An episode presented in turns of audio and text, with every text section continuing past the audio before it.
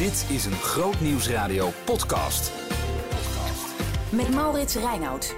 Welkom bij een speciale podcastserie van Groot Nieuws Radio in samenwerking met ProLife. Deze serie gaat over het huwelijk en hoe je dat gezellig, aangenaam en duurzaam kan houden.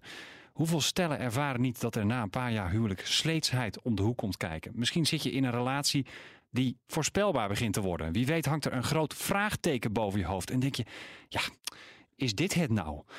Mijn gasten kennen al die vragen wel. Sterker nog, ze praten er heel vaak over met stellen. Jos Leijhorst is directeur van zorgverzekeraar ProLife. En Dorine Sommer werkt bij Alfa Nederland. Jos, Dorine, welkom. Dankjewel. In de podcaststudio Yes. van Groot Nieuws Radio. Dankjewel. En voordat de luisteraar allerlei conclusies gaat trekken. Jullie zijn eh, niet met elkaar in de echt verbonden. Nee. Maar het huwelijk verbindt jullie wel. Want eh, jullie zijn dus allebei betrokken bij de marriage course. Ja, klopt. Eh, ik eh, werk bij eh, Alfa Nederland inderdaad op kantoor en eh, mag daar contacten met eh, kerkleiders en cursusleiders die een marriage course geven. En de cursusleiders die een pre-marriage course geven. En zo hebben Jos en ik elkaar eerst eigenlijk via de mail leren kennen. Oké. Ja. Klinkt, Ja, bij bijna, mij- klinkt bijna als online dating. dat was niet de bedoeling. Nee. Dat is, nee. Maar Nee. meer een mailtje van, hey, wat Ja. leuk dat je de pre-marriage course geeft. Ja. En eh, hoe gaat het ermee? Ja, bij mij is dat eigenlijk begonnen voordat wij gingen, dat- voordat Henk en ik gingen trouwen. Toen hebben wij samen een primaire course gevolgd. Eh, dat heeft ons zo goed gedaan dat het onderwerp heeft altijd mijn interesse gehouden daarna. Hm. Eh, dus we zijn het inderdaad ook zelf gaan organiseren in Haarlem, waar ik woon. En eh, zo zijn wij in contact gekomen en dat heeft later een vervolg gekregen, eh, ja, ook via werk nu. Ja. Voordat we het over die marriage course gaan hebben, ik stelde in het intro wat vragen hè, ehm, die je kunt stellen als je tijd in een relatie zit.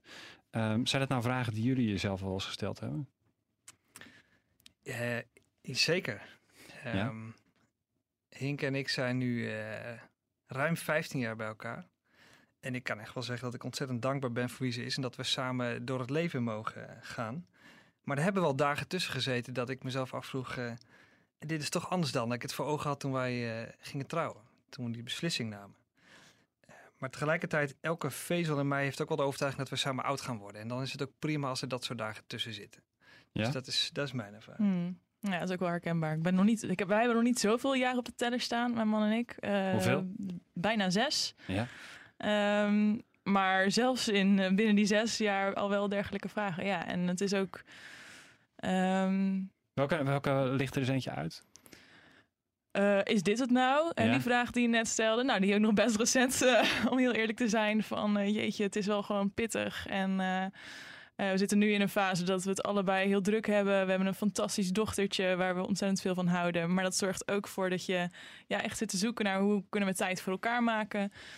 Ehm, ja, dat, dat is denk ik ook wel iets, iets wat gewoon in mij zit als persoon. Van het onderzoeken en het reflecteren van eh, hoe is het, kan het Mhm. beter. Maar ook denk ik wat in heel veel relaties het geval is. Van eh, ja, wat, wat zit er nog meer in? Of Ja. eh, hoe, kan, hoe kunnen we het mooier maken? Hoe, is het niet heel eng om die vraag hardop te stellen? Ik denk dat het eerlijk is. Als je zo'n vraag... Ja, dat is eerlijk, maar is het niet moeilijk? Ehm, hmm, dat is een moeilijke vraag. Nou, voor, voor mij niet vanuit de context die ik net schetste. Van wij blijven bij elkaar, hoe dan ook. Hmm. Hmm. Eh, en ik snap heel goed dat het leven soms ook anders kan lopen dan je voorziet. Hè? Maar eh, dat is het vertrekpunt. En dan kun je best Hmm. comfortabel ruzie maken ook. En dit soort vragen stellen. Ehm, Creëert eigenlijk voor jezelf een soort eh, buitengrens van, eh, een soort buitengrens van waarin je kunt ruzien. zou je kunnen bijvoorbeeld. zeggen. ja, maar nou, er zit, er zit ook iets in. Ik weet wie mijn vrouw is. We hebben inmiddels ook zoveel dingen meegemaakt. Ehm, heel vaak de vragen die, die ik stel hebben ook heel vaak met omstandigheden te maken. Veel meer dan met, met mijn vrouw of met mijzelf. Die situaties zijn natuurlijk ook wel. Maar als ik even terugdenk aan eh, de, de, vraag waar, de, de fase waarin dit zich het meest aandiende, was inderdaad met kleine kinderen. De, Mm. Toen ze nog niet zelf hun billen konden afvegen. Ja, dan blijf je maar bezig met die eh, kleine hummeltjes. Ehm, ja, dan zijn we allebei even niet degene die we waren toen we voor elkaar kozen. Hmm. Eh, minder energiek, ehm, meer zorgen, meer noem maar op. Ja. Ja. Dat heeft dus te- meer te maken met omstandigheden dan met wie de ander is. Hmm. Maar ik blijf me erover verbazen dat, ondanks dat we zo van elkaar houden, soms kunnen we elkaar zo misverstaan, eh, kunnen we ons zo miskend voelen door de ander. En dat blijft, dat blijft komen. Na hoeveel jaar? 15. 15. Ja. Bizar eigenlijk. Ja, Want daarvoor ken je elkaar ook al natuurlijk. ja. Ja, maar dat is ook wel juist wat het heel mooi houdt. Je, je, je bent niet dezelfde persoon als op de dag dat je trouwde. En juist doordat je allebei ontwikkelt, uh, blijft het ook spannend. Want je blijft weer nieuwe facetten of aspecten van die ander uh, kunnen leren kennen. Mhm. Uh, omdat je allebei ja, groeit. En dat is tegelijkertijd dus wat het ook soms gevaarlijk of lastig maakt. Want als je allebei ontwikkelt en die verbinding als het ware um, krijgt niet zoveel aandacht, dan is het ook best wel makkelijk om dus los van elkaar of zelfs uit elkaar te gaan Ja. ontwikkelen. Ja. Ehm, dus dat is aan, het een, aan de ene kant iets wat het heel eh, mooi en spannend en dynamisch houdt. Ik geloof absoluut niet dat een relatie eh, ja, kan eigenlijk daardoor dus niet snel saai worden. Ehm, maar dat is ook iets wat het ingewikkeld maakt en soms confronterend. Dat je inderdaad met die lastige vragen zit van... eh, oh ja, ik ben nu eh, hier naartoe ontwikkeld en jij misschien daar. En eh, Mhm. hoe, hoe vinden we hier in ons ritme? Ja. Dit zijn ook wel vragen, denk ik, die aan bod komen tijdens de marriage course, of niet? Ehm, er komen een heleboel vragen aan bod tijdens de marriage course. En dat zijn inderdaad, zitten daar reflecterende vragen tussen, reflectieve vragen. Ehm, en die bespreek je dan samen met je partner. Ja, Hm. dus dat, eh, dat kan zijn van hey, hoe, eh, hoe, heb je, hoe ervaar je inderdaad nu, waar we nu staan in onze relatie. En eh, ehm, nou ja, wat hoop je in de komende tijd wellicht te, bereiken. veranderen of Ja. te bereiken. Ja. Of, Het idee daarvan komt bij Alfa Nederland vandaan. Daar werk jij. Wa- waarom, hoe is het ontstaan en, en wat is de gedachte erachter? Eh, het is ontwikkeld in, eh, in Engeland, in Londen. ehm, eigenlijk in dezelfde kerk waar ook Alpha is ontwikkeld. Met het idee dat we als christenen zijn, ehm, ja, de prachtige roeping hebben om discipelen te maken. Eh, en dat dat meer is dan alleen mensen over Jezus leren en vertellen. Maar dat het ook te maken heeft met mensen inspireren en eh handvaten geven hoe ze om kunnen gaan met het leven hier op aarde. En dus ook met belangrijke zaken als relaties. Ehm, ja, en ik geloof dat het echt een, een waanzinnige roeping is ook voor de kerk vandaag de dag. Dat we, ehm, als het gaat over op Jezus lijken, dat we het niet alleen hebben over de ehm, ja, discipelen maken of alleen de, de dingen die met direct geloof te maken hebben, Mhm. maar ook juist Missionair hoe- zijn en zo. ja, hoe, juist hoe, eh, hoe geef je dan de relatie met andere mensen handen en voeten? En in het bijzonder de relaties die het meeste impact hebben op eh, je leven. Je, die met je eventuele partner of kinderen. Ja, dat zijn echt wel eh, dingen waarin we als christenen heel missionair in kunnen zijn eigenlijk. Juist door hoe we met relaties omgaan. Hm. Oh, interessante theorie. Ja, dat, dat is wel waar mijn hart sneller van gaat kloppen. Jos, eh, jij, jij had dus al een goede ervaring met, met zo'n marriage course. Eh, en op die manier ben je er weer bij betrokken geraakt. Heb jij eh, precies diezelfde manier van denken die Doreen nu uitlegt? Of- Precies, Of, natuurlijk. of, of was je met een heel ander doel eraan begonnen om, dat, om die courses te geven? Ehm, nou, het is ook wel wat ingegeven door gewoon mijn eigen relatie en door om, eh, om me heen te kijken. Als je kijkt, we leven in een tijd waarin eh individuele vrijheid en autonomie worden verheerlijkt. Onafhankelijkheid. Mhm. Ik denk dat het best een gevaarlijk ideaal is. ook als je kijkt naar wat de Bijbel ons voorhoudt. Ehm, en ik heb in vakantie een boek gelezen, daar zegt een Franse filosoof... "Onafha- in onafhankelijkheid en individuele vrijheid bestaat geen liefde. Het is wat heftige uitspraak, maar ehm, ik denk dat, eh, dat we wel de ik in de tijd waarin we leven zoveel groter zijn gaan maken dan de ander. Hmm. Ehm, dus de vragen, zit je in een goede relatie? Ben ik nog wel gelukkig? Moet ik dit wel accepteren? Die worden je aan alle kanten aangereikt. Hmm. Eh, en we zien wat de consequenties zijn. De cijfers eh, liggen er. Terwijl liefde kan zoiets moois zijn. Is zoiets moois. Eh, hoe God het bedoeld heeft. Dus het is vooral ook dat verlangen. eh, wij komen zo tot ons recht als we gewoon in goede relaties samenleven met onze partner, maar ook met onze buren en onze familie, vrienden, noem maar op. Eh, dus dat zit er ook achter. Is het Ja. een tegengif tegen wat de... Ja, het, ehm, ja, het is een tegengif, maar het is, het is vooral Gods, Gods liefde klinkt zo door in hoe hij naar liefde kijkt. En het is zo'n ander geluid dan wat de wereld ons voorhoudt. Hmm. En dat, eh, dat drijft mij. ja. Zet ze eens tegen elkaar af dan. Wat hoor jij dan in de wereld over liefde? Eh, dat eh, ehm, geven belangrijker is dan. eh, sorry, nu draait het om. Nemen belangrijker dan geven. Het draait om jou. Eh, de Bijbel draait dat om. Nee, de ander is belangrijker dan jij. En uiteindelijk zul je daar zelf ook gelukkiger van worden. Eh, vergeving. Boven eh, niet accepteren dat er over jouw grens gegaan wordt. Autonomie. Ehm, Het idee van eh, ehm, altijd maar zelf gelukkig moeten zijn. Uh, dat het alles om jouw geluk draait. Ik denk dat dit is wat, dat herken ik bij mezelf ook, maar ook iets wat we in de samenleving wel heel erg zien. Uh, we hebben laatst onderzoek laten uitvoeren onder stellen in Nederland. En uh, een kwart gaf aan, als ik niet meer gelukkig ben, dan, of als ik het gevoel niet meer heb, hè, niet meer gelukkig, een mm -hmm. gelukkig gevoel heb in de, mijn relatie, dan stap ik eruit. Ik denk dat dat best wel haak staat op wat, we, wat God ons laat zien. Namelijk uh, een toegewijde relatie waarin je geduldig bent met de ander, het belang van de ander. Uh, nou ja, even hoog als niet hoger acht dan jouw eigen uh, belang. en als je erover nadenkt, dat zijn ook de waarden die, die God laat zien in zijn relatie met ons. Hij, is onvoor, hij, heeft, hij heeft ons onvoorwaardelijk lief. Hij is geduldig met ons. Hij, ja, dat, er zit zoveel, zoveel kracht in het voorbeeld dat God ons geeft. En als we dat gaan weer spiegelen in onze relaties, nou, dan, ja. dan kan het niet anders dan dat de wereld op zijn kop staat van uh, wauw, wat is dit fantastisch. Als we, als we dat toch eens uh, te pakken ja, Bij God te mogen we steeds opnieuw beginnen. Ja, en dat, dat moet ook zo in onze relaties zijn. Maar als je naar statistieken kijkt, kun je zomaar het geloof verliezen dat, dat, dat je een leven lang met iemand samen kunt blijven. En een buurman van mij die zei ook eens: Ik ga niet trouwen, want ja, de kans dat ik ga scheiden is best groot. Ja. En als je naar statistieken kijkt, dan klopt dat. Hmm. Uh, maar merchcourses en ook andere initiatieven dragen dan bij om weer geloof te krijgen. Het kan wel degelijk. Hmm. Het kan wel degelijk. Oké, interessant. Het is dus inderdaad een tegengif. Als ik het even zo mag omschrijven. Ja, het is, dat, dat zeg ik omdat ik laatst een, een, een Bijbelserie, uh, een Bijbelleesplan had. waarin het ging over giftige gedachten. die door de wereld, zeg maar, heel normaal worden. En, en, en, en, spelen in de maatschappij. En die je zo zou overnemen. En als je dan dat naast dingen uit de Bijbel legt, dat dat even helemaal op scherp wordt gezet eigenlijk. dat is eigenlijk wat, wat de Marriage Course dan ook doet. Ja, ja. zeker.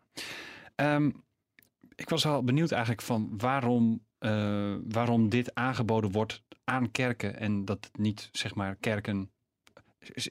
Wat moet ik daarin lezen? Hebben kerken zo, zoiets nodig, zeg maar? Een, een, een, een kant-en-klaar product als een marriage course om hun kerkleden te helpen bij het huwelijk? Of hoe moet ik dat zien?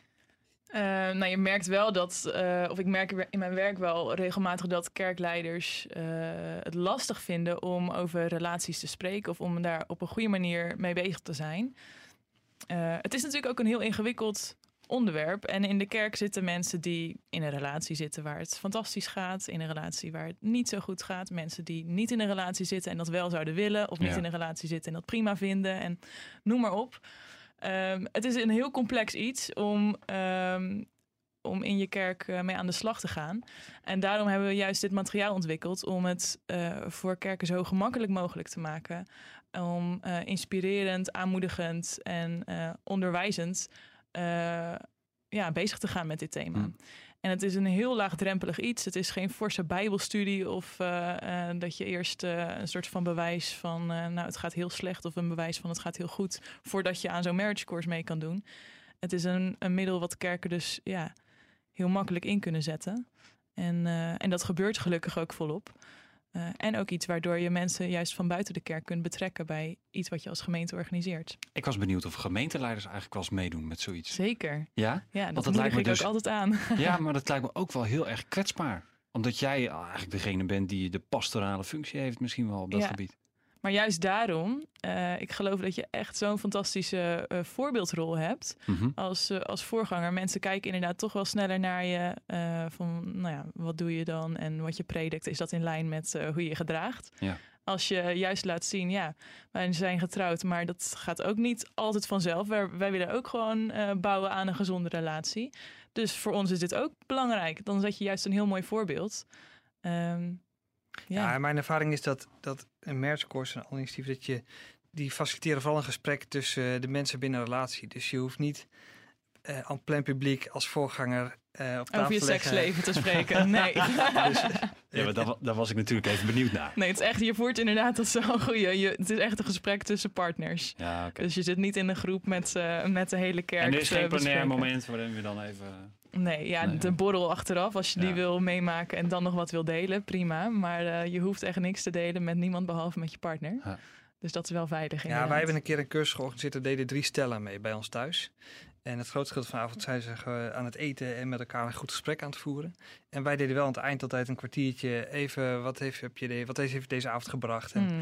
en maar dan bepaal je zelf waar de grens ligt. En wat, eh, maar dat is klein, intiem Ja. en niet voor een grote groep. Nee. Zullen we even, even door het programma heen lopen? Want het is natuurlijk opgezet vanuit het feit van... je gaat een aantal weken eh, bezig met een paar thema's. Hmm. Even een vogelvluchtje doen. Eerste is een sterke fundamenten leg- leggen. Ja. Wat is dat? Het gaat over ehm, hoe kun je investeren of bouwen aan je relatie. Ehm, het gaat bijvoorbeeld over het belang van tijd voor elkaar maken. Maar ook dat elke relatie wel verschillende fases kent. Nou ja, Jos noemde net het voorbeeld van eh, stel je hebt eh, jonge kinderen. Dat is weer een heel andere fase dan wanneer je eh, met z'n tweeën bent. Of wanneer je kids misschien vol in de puberteit zitten. Of lege nest. Of, ehm, er zijn verschillende fases in je relatie. Dat kan ook te maken hebben met carrière, noem maar op. En wat vraagt elk van die fases? Dus daar gaat het eigenlijk over. Hm. Ja, de basics zou je kunnen zeggen. Ja. Jos, jij zei net al van... na 15 jaar kun je elkaar soms nog compleet eh, niet verstaan. Daar gaat de tweede over. Kunst van communicatie. Gebruik je anekdotes? Nu? Nee, nee, nee. ja, nee, nee, nee. Maar, Hint, je- eh, dat mag, maar jij, jij geeft, ik bedoel, jij geeft die marriage course. Ja. Dus in, in- in- Ja. gebruik je dan anekdotes over je eigen... Ja, volop. En Dat is ook een van die dingen waar het dan misgaat. Want ik ben daar wat vrijer in dan mijn vrouw soms zou Oh. willen. Dus eh, nee, maar ik geloof wel Maar echt is dat... Zeg is dat nou heb, niet, je, heb Jos. je een stamp of approval voor een anekdote die je in een podcast mag, eh, mag noemen?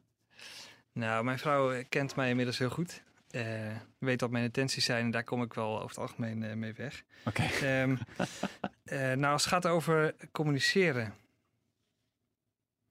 Ik zit even na te denken. Kijk, wat, nou, ik, ja, wat ik. Dat is niet een heel specifiek voor, maar wat vaker denk ik een patroon is.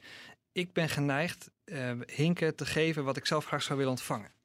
Oh. Dus als ik boos of verdrietig ben, dan vind ik het fijn als zij mij op een bepaalde manier aandacht geeft. En dat is eigenlijk geen aandacht. Dus ik vind het heerlijk om dan te gaan hardlopen en dan kom ik daarna terug en dan vind ik het ook heel prettig en belangrijk om er nog even over te praten. Eh, maar dat hoeft niet heel lang. Terwijl als Hink met hetzelfde gevoel zit, eh, vindt zij het prettig als ik toch even naast haar ga zitten en een kopje thee zet en daar goed aandacht voor heb. Eh, maar dat is niet mijn eerste neiging. Ik ben geneigd om dan te zeggen, nou, ga even lekker een stukje hardlopen en dan. En dat, dat blijven dingen eh, waarin we gewoon soms voorbij gaan aan de behoeften van de ander. Logisch. Conflicten oplossen. Ja, vind ik een heel boeiend thema.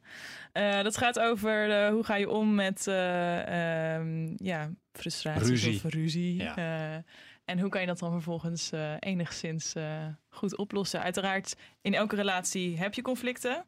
Of nou ja, zelfs als ze niet uitgesproken worden, dan zullen er, zullen er zijn. Ja. Maar hoe kun je daar goed mee omgaan? En eh, dat heeft ook heel erg te maken met elkaars verschillen accepteren. Dus eigenlijk herkennen van in welke zaken eh, verschillen we sterk. En wat zijn dus de zaken die, waar we waarschijnlijk eh, meningsverschil of conflict over krijgen. Mhm.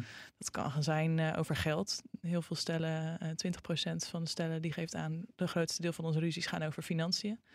Ehm, maar dat kan ook gewoon gaan over hoe ga je met je tijd om, met je vrije tijd. De schaarse vrije tijd die we hebben van, Ja. eh, tegenwoordig. Hoe besteed je die?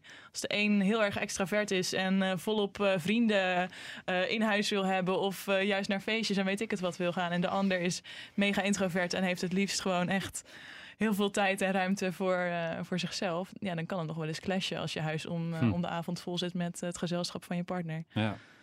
Moeilijk. ja, lijkt me dat. De kracht van vergeving. Jos, Ja. Jos, maar gaan we weer even naar jou. Nou, op dit punt kun je beter eh, bij Dorine blijven, want die Waarom? zit beter in de cursus dan ik. Ja, maar oh, ik, was, ik was eigenlijk wel benieuwd of je dat zelf wel eens een keer hebt moeten ervaren. De kracht van vergeving. Oh, volop. Ja, Ja, kom, geef ons nog een anekdote. ik was, wel, ik was al bang voor. Ja. Straks Eh, mag jij, Dorine. Dan ga ik ook een anekdote aan jou Oh vragen. Nee, er zit. ehm, eh, wat een grappig verschil is tussen. Eh, nee, laat ik het bij mezelf houden. Ik ben actiegericht en niet resultaatgericht. Dus dat betekent dat als ik aan het eind van de dag flink mijn best heb gedaan, ben ik tevreden, ook als het resultaat niet altijd is wat je van tevoren had voorgenomen. Mhm. Mijn vrouw is resultaatgericht.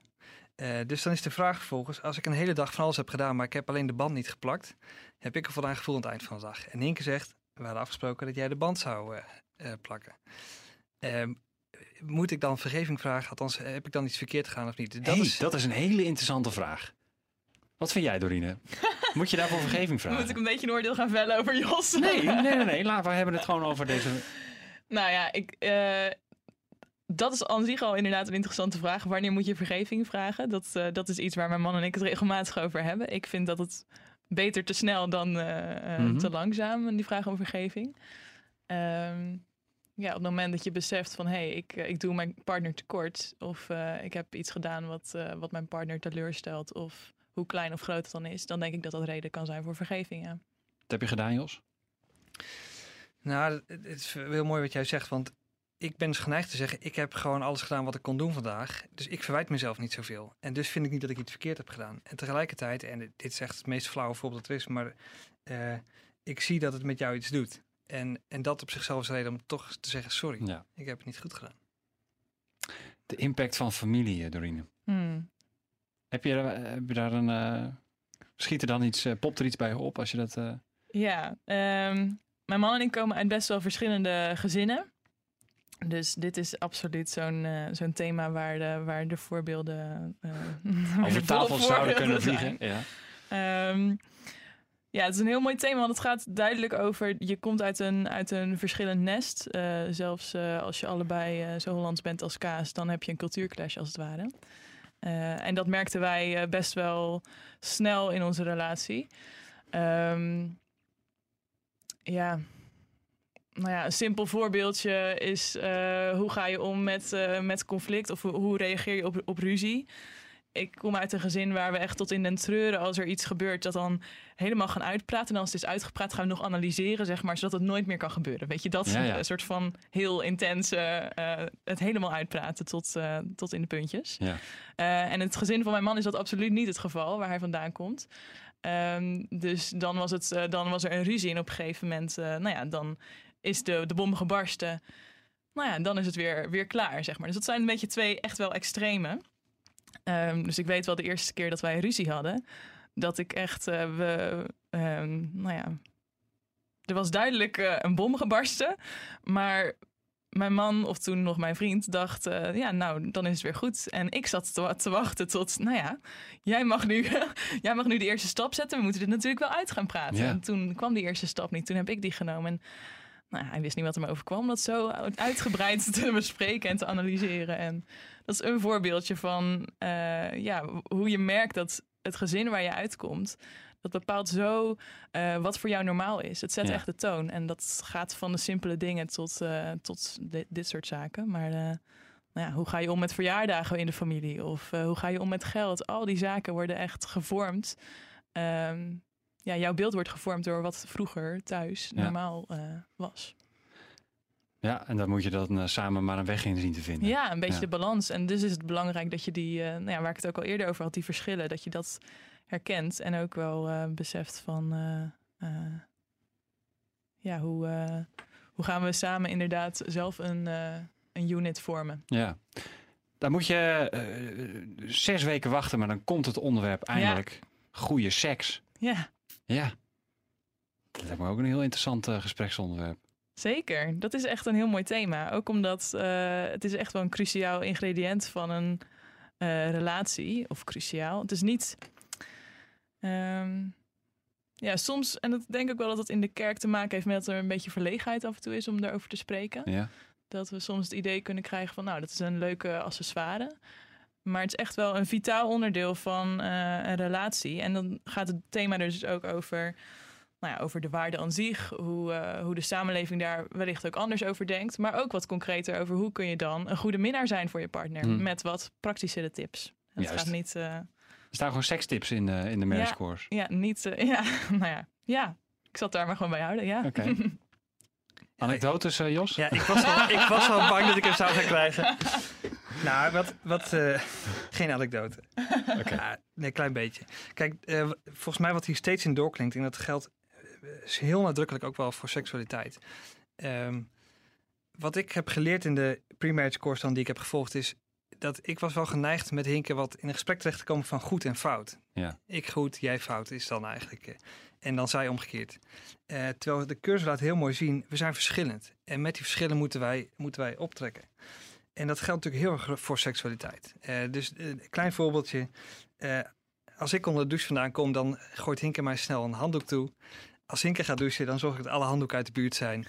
Eh, Het is niet goed of fout. Hè? Tenminste, tenminste de, de, wat ik ermee wil zeggen is... wij zijn op een andere manier geprikkeld en geïnteresseerd in elkaar soms. En eh, dat is niet goed of fout. Maar Mhm. wij moeten daar wel met elkaar een weg in zien te vinden. Hm. Ja. En daarover praten, superbelangrijk. Ja, Ja. Zeker. Ja, ik wou net zeggen, ik denk dat praten dan dus heel belangrijk is. Ja. Eerst Ja. over seks praten om elkaar eigenlijk te begrijpen van wat wil jij Ja. nou eigenlijk. Ja. Ja. Ja. En ook, dit is eh, ook wel een onderwerp waarbij ik denk dat we...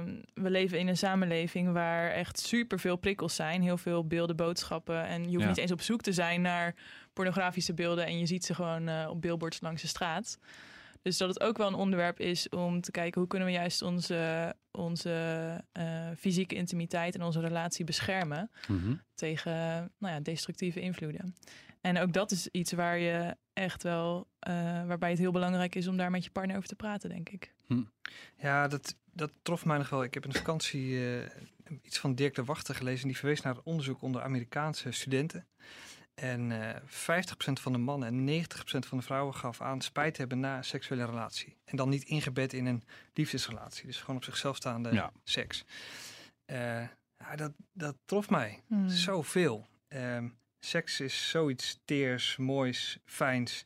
Eh, daar hebben we ook de wereld denk ik echt een ander en beter verhaal te bieden. Ja. Alleen al hoe het is gemaakt. Ik, ik las dat eh, laatst alle stofjes die al vrijkomen in je hersenen op het moment dat je fysiek intiem bent met je partner. Ehm, dus dat, hoe we dus biologisch zijn gemaakt door God, denk ik dan. Maar een ander denkt daar wellicht anders over. Maar al die stofjes, eh, daar zitten stofjes tussen die ervoor zorgen dat je een geluksgevoel krijgt. eh, dat je minder snel depressief wordt. Mhm. eh, dat je een voldaan gevoel, nou ja, dat is misschien een inkoppertje. Maar ook het gevoel van trouw, van bij elkaar horen ehm, en toewijding. Dat zijn biologische eh, effecten van fysieke intimiteit. Dus alleen al hoe het biologisch is gemaakt, Mhm. vind ik een fantastische getuigenis van hoe het is bedoeld door God. Interessante avond is dat. Avond 6 over goede Zeker, seks. zeker. Daar maar kom- je moet er ja. wel eerst de andere vijf doen, hè? Ja, ja, ja, niet maar dat je- zei ik ook net. Ja, ja, ja, ja. Eh, de, de zevende heeft een, eh, een, een titel waar ik nog niet heel een goed beeld bij heb. Liefde in actie. Wat is dat? Ja, ehm, nou, dat is een, eh, een wellicht iets luchtigere, maar zeker niet onbelangrijke afsluiting van de, van de reeks. Want dan gaat het over de, de liefdestalen ehm, van Gary Chapman, wellicht bekend. Eh, dus het gaat ervan uit dat we allemaal eh, liefde willen ontvangen en geven. Maar dat die liefde bij elk van ons op een verschillende manier het beste binnenkomt. Hm. En dus eh, wellicht wordt eh, Jos voelt zich helemaal geliefd als hij een cadeau krijgt, bijvoorbeeld. Eh, terwijl ik voel me helemaal geliefd als mijn man me tijd en aandacht geeft. Nou ja, zo verschilt bij ieder van ons de, de manier waarop we liefde krijgen. En gaat die avond dus vooral over de, het in kaart brengen daarvan. En nadenken over hoe kan ik tegemoetkomen aan jouw liefdestaal. En welke avond hebben jullie zelf het meest gehad? Eh, conflicten oplossen. Ja? Ja. En jij Jos? Ja, moet ik al 15 jaar, nee, eh, iets van eh, 13 jaar terug. Maar ik denk bij ons eh, eh, communiceren. Maar je, je geeft ze nog steeds, hè? dus misschien heb je er zelfs ook nu Ja. nog wel wat aan. Zeker. Nou, de laatste keer dat ik het heb gedaan is twee jaar geleden. Ehm, maar elke avond eh, opnieuw eh, zitten wij na te praten. En eh, brengt het iets teweeg ook tussen Hmm. ons. Ehm, we organiseren nu met ProLife relatieavonden. Daar ben ik meestal ook bij. Mhm. En ook daar neem ik elke avond weer iets mee waar we thuis toch weer even over doorpraten. Ja. Ehm, maar de- de- en soms zijn dat dingen waar we het al twintig keer over gehad hebben. En toch blijft het goed om het nog de 21ste keer weer Ja. over te hebben. Ja, dat is ook wel het leuke, vind ik, van eh, een marriage course of zo organiseren. Eh, ook al zit je niet aan de ontvangende kant, je bent er wel echt mee bezig. En soms zelfs nog intenser, want je werkt het door en je zit erover na te denken, Ja. hoe gaat het bij ons dan? En ja, dat is wel puur het reflecteren op je relatie en dat samen bespreken is wel heel waardevol, denk ik. En wat is nou eigenlijk de moeilijkste avond? Waar, waar wordt het meest... Welke duurt het langst? Waar wordt het meest gehuild? Waar, Hmm. waar gaan de stellen het stilst naar buiten? Ehm, Ja, ja, voor mij deze ervaring, het onderwerp vergeving is altijd een ingewikkeld eh, onderwerp. Ehm, ik merk ook zelf, ik ben wat koppig van aard. Althans, beweren anderen. Maar eh, Zegt Eh, al veel. Ja. eh, ja, ik heb om heel koppig te reageren, maar eh, is niet verstandig. Ehm, nee, vergeving is ook iets heel fragiels eh, vraagt heel veel kwetsbaarheid. Ja. Dus dat, eh, Hmm.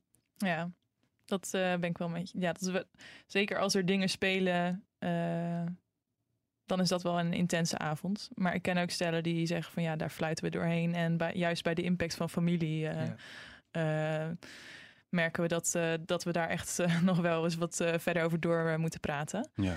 En er zijn stellen die gewoon heel een marriage course doorlopen en het nou ja, niet zo'n moment hebben van eh, tranen barsten of weet ik het wat. Heel veel, de meeste stellen eerlijk gezegd. Die, maar het, het gaat ook vooral over het bespreken van belangrijke thema's met je partner. En soms zitten, ontdek je inderdaad al pratende van hé, hey, eh, hier zit nog wel iets. Ja. Eh, dus dat verschilt ook per stel hoe je dat ervaart. Ja. Ja. ja, wat misschien, dat is niet zo, maar je hebt dus de marriage course en de pre-marriage course. Voor Ja. mensen die overwegen om te gaan trouwen of al besloten hebben om te gaan trouwen. Hmm. Ehm, ik heb het meegemaakt dat mensen door de cursus hebben besloten om hun bruiloft af te blazen. Serieus? Ja, en eh, Dat is heftig, hè? ja. Eh, en het, ik moet niet voor die spellen, stellen praten, maar misschien is de cursus dan wel heel geslaagd. Dat denk ik wel. Nou ja, ja beter dat, eh, dat je in je voorbereiding eh, op, eh, op een huwelijk of op samenwonen bedenkt van nou, eigenlijk matchen we misschien toch niet zo heel goed. Of al pratende komen we qua hè, dingen die we belangrijk vinden in het leven gewoon niet genoeg op één lijn. Mhm. Dan kan je die conclusies maar beter bij tijd strekken, zou ik inderdaad zeggen. Dan ehm, ja, wanneer je nou ja, vol in het eh, grote mensenleven met een hypotheek en weet ik het wat zit. Ja. Dit eh, onderwerp eh, doet jullie persoonlijk iets, anders zou je er niet mee bezig zijn. Eh, Jos, jij bent ook directeur van een zorgverzekeraar. Hoe, hoe kan jij dit in je werk een, een rol laten spelen? Ehm, nou, het feit dat wij als organisatie met het onderwerp bezig zijn, brengt al heel veel gesprekken teweeg. Eh, gewoon onder collega's, eh, binnen ProLife, maar ook buiten ProLife, waar we contacten hebben lopen. Dus dat, dat is wel iets moois. Ook met veel niet-christelijke mensen die we ontmoeten, is dat best bijzonder wat daar eh, aan Hmm. het gesprek ontstaat. Ehm, ik heb natuurlijk ook individuele gesprekken met de mensen uit het team. En dat gaat ook altijd over de vraag: hoe is het met je? Hoe is het thuis? Eh, en ik vind het altijd lastig van hoe ver ga ik op dit onderwerp. Eh, want het eh, gaat heel erg over hoe het met iemand gaat. Ja. Ja, en het blijft puzzelen en per persoon ook verschillend hoe, hoe ver we daarover doorpraten. Als je zit te luisteren naar deze podcast en denkt... hé, hey, dat lijkt me wel wat, die marriage course. Ehm, daar is van alles over te vinden bij Alpha Nederland. Eh, dit is een aflevering in een podcastserie over relaties... en de duurzaamheid daarvan. Als je meer wilt weten over dat onderwerp... in de hele breedte, eh, breedste zin van het woord... eh, ga dan naar prolife.nl slash zorgen voor elkaar. Daar zijn alle afleveringen van de podcast ook te beluisteren. Dorine en Jos, hartelijk dank. Jij bedankt. Mag ik de soesjes mee naar huis eh, voor mijn vrouw? Ik heb volgens Ja. mij wat goed te maken. Heb je wat goed te Dus, eh, maken? nee, ik zou zeggen, ja, neem Heb je de band niet geplakt Dankjewel. vandaag?